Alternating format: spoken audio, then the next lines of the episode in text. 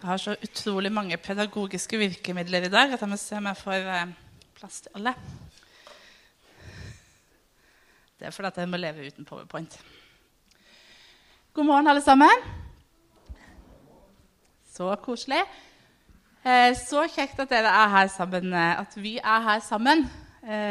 Så godt å se akkurat deg. Du som kanskje er her for første gang, og du er som er her for så mange ganger at du ikke klarer å telle lenger. Eh, og til de som hører på podkast, de som er på, kanskje på vinterferie nå, og som ikke rakk å komme, velkommen til dere òg. Eh, I dag så er det første søndag i fastetiden. Eh, og vi har lagd en taleserie med de tekstene som vi skal lese i løpet av fastetiden, som varer fra nå og fram til eh, påske. Som vi har kalt for radikal, som Lars Kristian sa. Eh, og det handler mest om at mange av de tekstene som nå kommer, og som vi skal jobbe med de søndagene som ligger foran oss, kan oppleves veldig radikale eh, og litt krevende og vanskelige å jobbe med. Og handler ofte om sånne ting som vi ikke liker så veldig godt å snakke om. Eh, om synd, om lidelse, om fristelse og om kamp. Så nå er det på en måte ikke de der feel good-tekstene i Bibelen som kommer, men de som som vi egentlig kanskje noen ganger har lyst til å legge vekk og glemme at fins. Hoppe over og liksom lese noe annet som er litt koseligere. Eh, og så håper vi at eh, både for, eh, for, meg og for oss alle at eh, denne fastetiden kan være en invitasjon til å måte, ta tak i de tekstene eh, og, som krever litt, og se hva de måte, kan gjøre i livet vårt når vi måte, våger å, å bruke tid på dem. Eh, og kanskje ha litt sånn innvendig vårrengjøring på en måte. Eh, og for å være litt sånn nerd så eh, han, ordet 'radikal' kommer fra det latrinske ordet 'radix', som betyr rot. Og det å være radikal kan òg bety å strippe vekk alt det som er unødvendig, og komme tilbake til roten og til det som er grunnleggende. Og noe med det Hva handler troen min egentlig om? Og hvordan ser troens liv ut for meg? Så det er det vi skal jobbe med i denne fasetiden. Og i dag så skal vi snakke om syndefallet. Og det må jeg bare ærlig si at det har jeg grua meg litt til. For dette er kanskje en av de mørkeste tekstene i Bibelen. Som handler om når synden kommer inn i verden. Det store syndefallet som var på det punktet i verdenshistorien når mennesket valgte å følge sin egen vilje istedenfor Guds vilje. Og den teksten som handler om hvilke konsekvenser det gir for oss. Og vi liker jo ikke å snakke om synd. Jeg liker ikke å snakke om synd, for det gjør meg litt sånn utilpass. Um, fordi enten så ble jeg så veldig observant på, på, på, min egen synd og på alle de gangene som jeg kommer til kort, alle de gangene som jeg feiler, eh, de gangene jeg gjør ting som jeg ikke burde gjøre. Og så liker jeg ikke den siden av meg sjøl, og så liker jeg ikke måte, hvordan det får meg til å føle meg. Og andre ganger, eh, kanskje ofte, jeg vet ikke, så er det sånn at når jeg snakker om synd, måte, så føler jeg meg nesten litt sånn selvrettferdig. Jeg vet ikke om det er så bra. For jeg ser liksom andre, så tenker jeg at ja, iallfall ikke så ille. Og det er jo ikke helt gradelig. Så jeg er liksom litt flinkere da, som liksom gjør det så ille som det. Eh, så jeg blir litt sånn utilpass eh, når vi er sammen som kristne og skal snakke om synd, og egentlig enda mer når vi skal snakke om synd til de som ennå ikke tror på Jesus, som på en måte ikke forholder seg til at Gud har en vilje og en plan og en tanke i det hele tatt. Det er jo synd helt eh, det hører jo ikke til omtrent i det verdensbildet. Og så må jeg innrømme at noen ganger så syns jeg at Gud virker litt urimelig i møte med synd. Og så vet jeg at det ikke er sant, for jeg vet at hans rettferdighet er ikke sånn som min rettferdighet. Men jeg tenker at kunne de ikke bare fått én sjanse til? Var det så innmari nøye da, med det, liksom, den lille eplet der? Eh, eller er det virkelig sånn at det ikke er noen forskjell på én liten hvit nødløgn og de grusomste tingene som menneskene kan gjøre mot hverandre? Og så er det sånn at Menneskelig sett så er det selvfølgelig et hav av forskjell på det. Men i Guds øyne så er det ikke det. All synd er like mye synd. Rombrevet sier at her er ingen forskjell, for alle har syndet og mangler Guds herlighet. Og det utfordrer meg, for at jeg skulle ønske at det ikke var sånn. Og I den teksten som Lars Kristian leste, så møter vi verden her helt i begynnelsen. Gud har skapt himmelen og jorden og alt som er i den, alt som er bra, alt som er godt, og han har skapt mennesket i sitt bilde eh, med den intensjonen at de kan leve i fellesskap med hverandre og med, eh, og med han. Og så har han gitt dem denne hagen, Edens hage, der det er alle mulige forutsetninger for at de kan leve et godt liv. Og så har han, For å beskytte det, som han selv ser at det er godt, så gir han Adam og Eva en enkelt beskjed.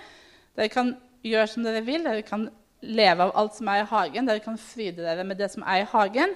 Dere kan ikke spise av frukten på de to trærne som står her i midten, livets tre, og tre som gir kunnskap om godt og ondt. Så det er rimelig enkelt, dette.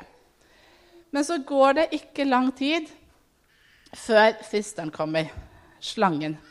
Og så begynner han å stille spørsmålstegn til det som Gud har sagt. Og Det er det som på en måte er den store spørsmålet i denne samtalen som er mellom slangen og Eva. Har Gud virkelig sagt? Og Så legger han litt til, og så trekker han litt ifra. Og i denne samtalen sammen med Eva For Eva lar seg rive med og diskuterer og argumenterer litt og, og prøver å forsvare Gud et stykke på vei. Men i den prosessen så mister hun tilliten til Guds ord og til Guds autoritet.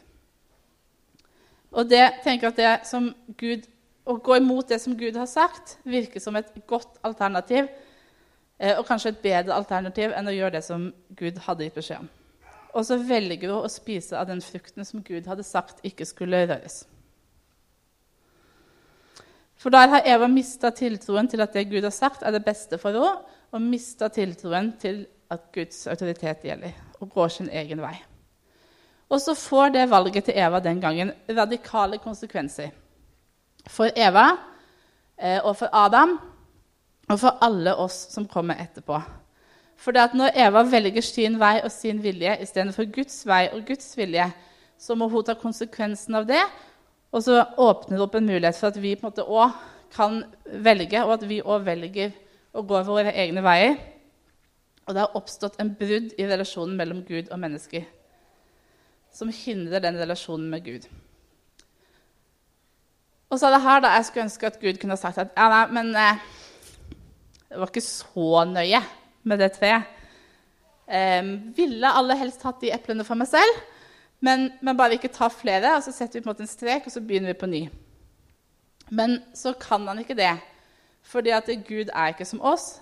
Eh, han er hellig, han er ren, og han tåler ikke synd. Og det har oppstått noe som ødelegger i dette forholdet. Og så har jeg tatt med Dette er et litt enkelt bilde. Skal vi se om vi får dette til med mikrofonen og alt.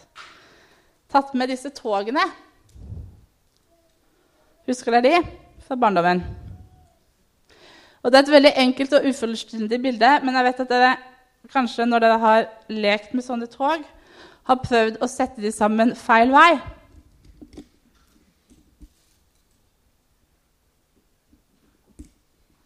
Og det går ikke. Ikke sant? Dere skjønner det? For at eh, to magneter feil vei støtes bort fra hverandre. Og det er sånn med Gud og synd òg. Det støtes fra hverandre. Det går ikke sammen uansett hvor mye man prøver.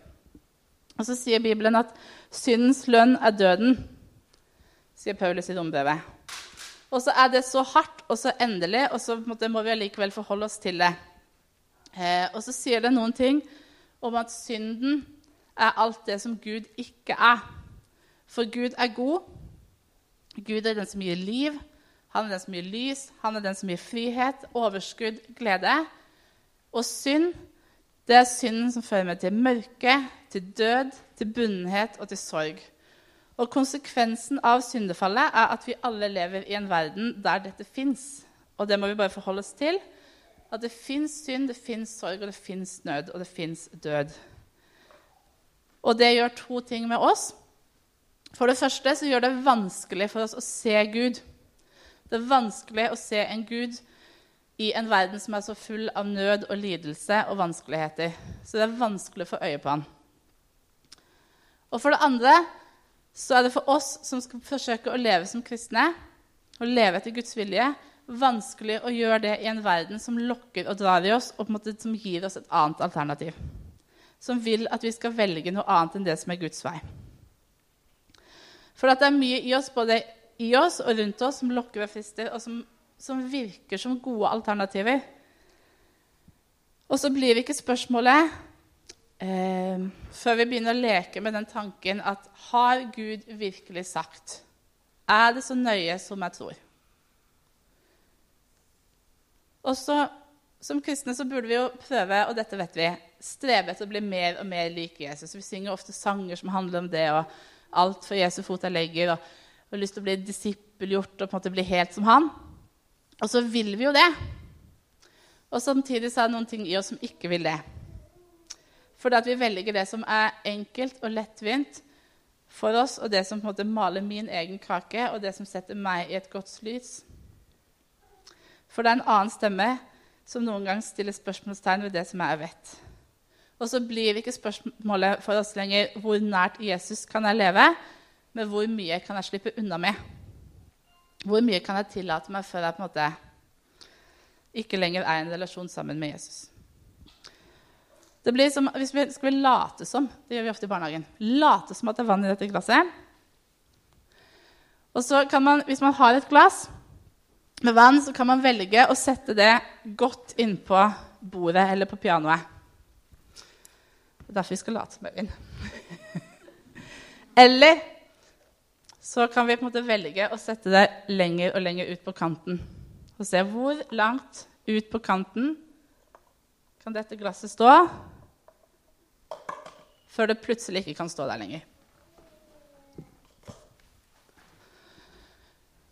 Og så burde vi kanskje øve oss litt da, på å tenke hvor nært Jesus kan jeg holde meg? Hvor, hvordan kan jeg på en måte holde meg nærmere han?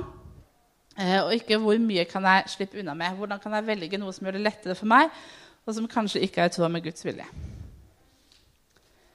Så det er sånn at Heldigvis har vi som kristne fått et forbilde på hvordan vi kan møte fristelse. For det gjør vi jo. Og det er jeg sikker på at vi alle sammen kjenner på, at noen ganger så møter vi på den fristelsen. Og Da forteller Matteus om Jesus som blir ført ut i ørkenen eh, etter å ha fasta i 40 dager og 40 netter, eh, og hvor djevelen kommer og prøver å så tvil overfor Jesus om Guds ord, om Guds autoritet. Og som sier til Jesus, som da går og være helt utsulta etter disse 40 dagene med faste kan ikke Gud bare gjøre disse steinene som ligger her, til brød? Kan du ikke bare si til Gud at han skal gjøre det, du som er Guds sønn? Og så svarer Jesus med at mennesket lever ikke av brød alene, men av Guds ord. Eh, eller så tar han med Jesus på et høyt punkt og sier han, 'Kast deg ut her.' Eh, 'La alle se at du virkelig er Guds sønn, og englene kommer for å redde deg.' sånn som Bibelen sier at de skal gjøre. Og så svarer Jesus når djevelen kommer til ham og utfordrer ham med å spørre har Gud virkelig sagt. Har ikke Gud sagt til deg at han skal gjøre sånn sånn? Så svarer Jesus med at Guds ord tilbake. Han holder fast på Guds autoritet. Og den store forskjellen på når vi møter fristelse, og når Jesus møter fristelse. Og det kan være et forbilde for oss, at vi kan øve oss i å tenke at når vi opplever fristelse, når vi har lyst til å velge noe som vi vet at vi ikke vet, og holde fast på det Gud virkelig har sagt. Og flytte glasset lenger og lenger inn på bordet.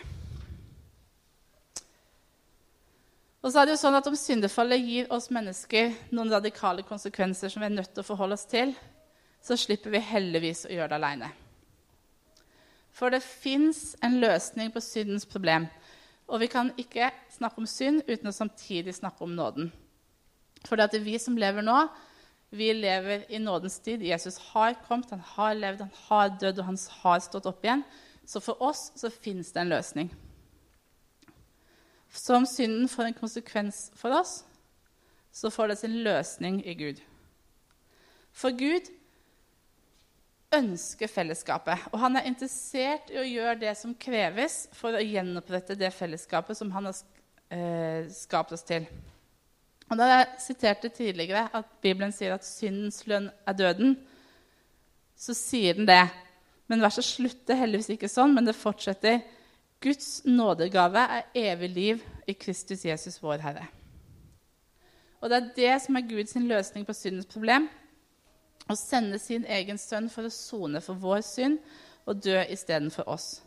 Fordi at noen må rette opp det som er gått galt, men vi slipper å gjøre det på egen hånd. Vi kan få tro at Jesu død og Jesu oppstandelse gjelder for oss. Og det er en helt nydelig og designa redningsplan som Gud hadde helt fra begynnelsen. For syndefallet kom jo ikke som en overraskelse på Gud når det går så galt i Edens hage. For mennesket får valget der i hagen. Og de velger å si nei til Guds vilje til fordel for sin egen vilje. Men så spoler vi noen år framover, og så fins det en annen hage, heldigvis. Getsemanehagen. Der Jesus velger Guds vilje istedenfor sin egen vilje. Som ikke var et lett valg, og vi må alle tenke at det var lett for Jesus. For det kosta han alt han som lå der i dødsangst i hagen, vitende om hva som skulle komme, en død som han skulle lide, som ikke var for sin egen skyld. Og så velger han å si ja til Guds vilje, tross alt det koster, for å rette opp vårt nei. Han er villig til å gjøre det som må gjøres for å gjenopprette den brutte relasjonen. Og så snakker Bibelen om den første og den siste Adam. Eh, og det er så mange linker mellom den første Adam og Jesus. Eh, og blant annet at sånn som synden kommer inn i verden ved at den ene mennesket faller, så kommer òg frelsen fordi at den ene personen kommer, at Jesus kommer. I rombrevet så står det altså Som ett menneskes fall ble til fordømmelse for alle mennesker, slik fører ett menneskes rettferdige gjerning til forfinnelse og liv for alle.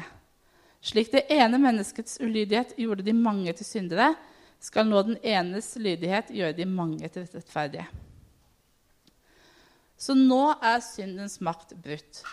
Og vi har vunnet en seier som vi kan få del i eh, i vårt liv.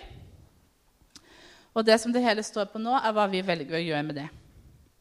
Og vi velger å ta imot det som Jesus har gjort, og gjøre hans seier til vår seier.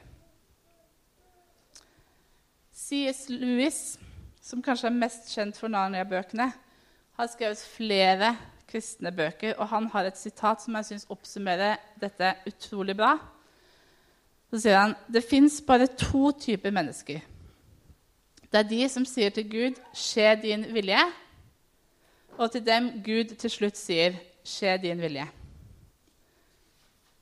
At vi kan velge eh, å ta imot det Jesus gir, eller vi kan velge eh, å kjempe vår egen kamp.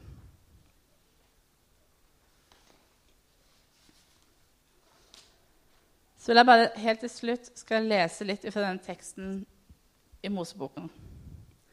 Som jeg syns beskriver så utrolig sårt noe av det som skjer når, eh, når Adam og Eva velger å gå sin egen vei.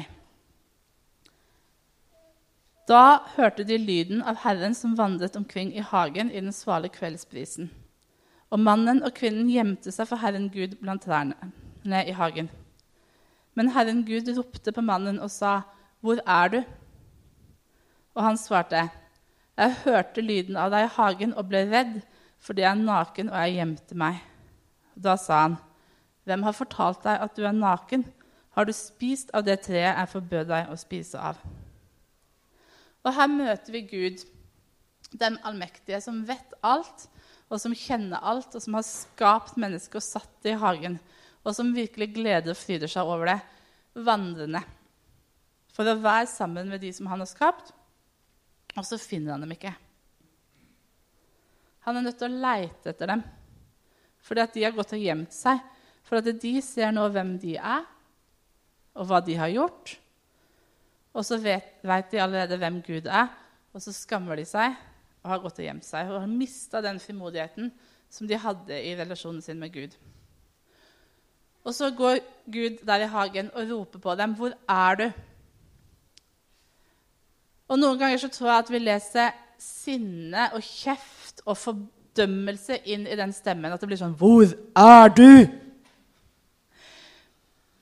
Men jeg tror at Gud like så gjerne går og leiter etter disse med en omsorg. Hvor er du? Som et tilbud til å komme fram ifra trærne og gi seg til kjenne og stå framfor Han som allerede vet at vi er nakne, at vi ikke mestrer, at vi ikke klarer. Og som inviterer til å gjøre opp og til å begynne på ny. Jesaja sier, 'Kom, la oss gjøre på sak', sier Herren. Om syndene deres er som purpur, skal de bli hvite som snø. Om de er røde som skarlagen, skal de bli hvite som ull.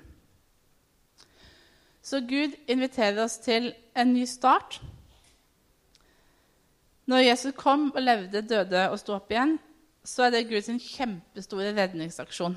Det er Gud som er ute og leiter. Eh, og han leiter etter hvert enkelt menneske. Og så er invitasjonen 'Hvor er du?' Og så er spørsmålet hva gjør vi? Hva gjør vi med den synden og den skammen som vi føler på når Gud kommer der gående gjennom hagen og roper på oss? Fordi at han har lyst til å ha oss inn i fellesskapet. Gjemmer vi oss? For det trenger vi ikke gjøre, for vi kan få lov til å komme fram. Og så kan vi tro hans ord og hans autoritet nå òg. For Gud har, Guds ord har autoritet når han setter grenser for oss. Um, og det har autoritet når han dømmer oss når vi bryter de grensene. Men det har også autoritet når han frikjønner oss. Når han sier at Jesu død oppstandelse holder, så står det like fast som dommen. Eh, for syndens lønn er døden, ja da. Men Guds nådegave er evig liv i Kristus Jesus. Og så kan vi få tro det. I møte med tvil og med vantro så kan vi få holde fast på det. Og når vi går og lurer på har Gud virkelig sagt det, at det holder, så kan vi med frimodighet svare at ja, det har han. Skal vi be. Kjære Jesus, jeg takker deg for, um, for at du var villig til å bli menneske og lide og dø i vårt sted. Jeg takker deg for at du var villig til å ta konsekvensene av, uh, av det valget som vi har gjort. At når vi har valgt å si nei til deg, så har du satt et rungende ja til oss.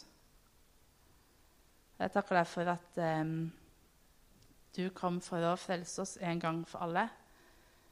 Jeg takker deg for at, um, at den kraften som, um, som reiser deg opp fra, fra, de døde, den er med oss, og den uh, hjelper oss hver eneste dag. I alle de kamper og de prøvelser og de fristelser som vi opplever, så kan vi få lov til å gå inn i de med din seier. Jeg takker deg for at eh, du har frelst oss, og for at det står fast. Amen.